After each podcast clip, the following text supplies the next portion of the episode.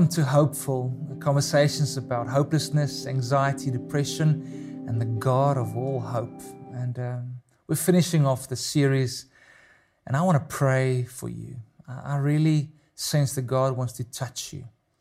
Yes, I believe in everything I've said that you need to go and get some help and, and really work on, on, on this, as I mentioned, with various help from various areas. But I also trust God to touch you in this moment. I trust His Holy Spirit to come and touch you right now. So, would you receive and open up your heart as I just want to pray as the Holy Spirit leads me in, in what to pray for right now? Let's pray. Thank you, holy, holy, holy God. I lift you up as the author of all life and Lord, everybody on the other side of this message, you have created fearfully and wonderfully. Lord, they are not a mistake.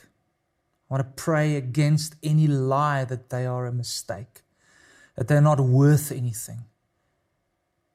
Lord, in Jesus' name, thank you that the fact that you died for us on the cross have proven our worth because you paid with your life for us. We are precious in your sight. And therefore, Lord, right now, I, I want to come against any lie that the enemy has planted in every mind that you are not worth it, that you're not good enough, that you are cast out, you're an orphan, that nobody will ever love you. I'm coming against that in Jesus' name. But I'm also coming against any lie that says that I'm rejected, because, Lord, in Christ Jesus, we cannot be rejected, Lord. In Christ Jesus, Lord, you've reconciled us with the Father. We can be one with you. And therefore, right now in this moment, I come against the spirit of rejection, the spirit of an orphan, this I'm, I'm alone. Nobody will fight for me.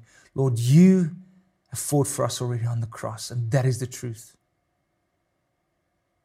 And Lord, also right now, if people are listening to this, watching this and they need to forgive somebody, I pray right now that they would choose to forgive.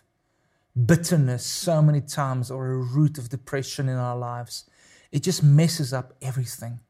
And right now, in this moment, give them the grace and the courage to let go and to forgive. To forgive.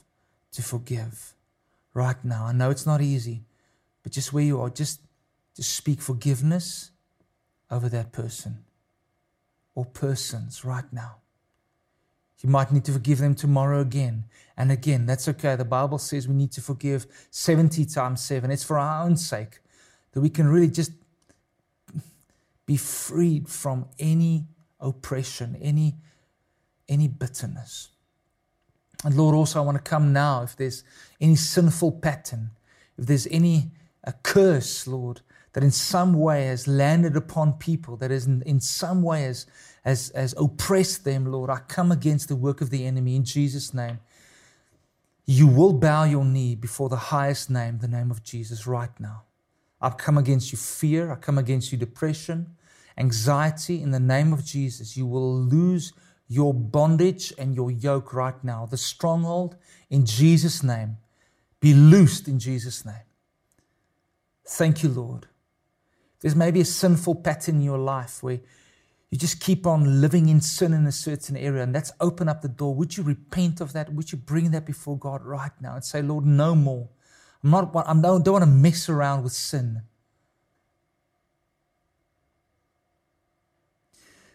I just saying some of you need to forgive yourself right now. Just speak forgiveness and grace over your own life right now. Just forgive yourself. Literally say, Retief, I forgive you. John, I forgive you. Marie, I forgive you. What, whatever your name is right now, just say that. And Father, in this moment also, pour out your Father love on them. Oh Lord, the daddy's love, the love of a father that deals with all our insecurities and all our fears, the love of a father. He loves you. He loves you. He's a good father who loves you. Well, people looking for identity in so many places. Let them find it in you right now. as your love flood their heart. Thank you, Lord. Thank you, Father. In Jesus' name.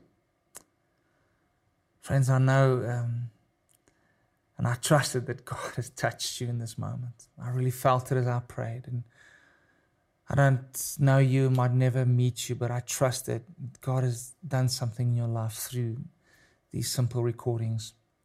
And that my story of hope can also give you hope and go and overflow with hope to others. As I mentioned so many times, also go and, and find help. Have people walk with you. Don't do this alone. And go and share in the hope that God has given you to a world out there that needs it so desperately. And you can always live hopeful. Bless you. Thank you for tuning into Hopeful. If you need more help, please go to mattersofthesoul.org to have a Christian psychologist's perspective on depression and to receive help. Alternatively, go to the website of the South African Depression and Anxiety Group or phone them on 080 045 6789.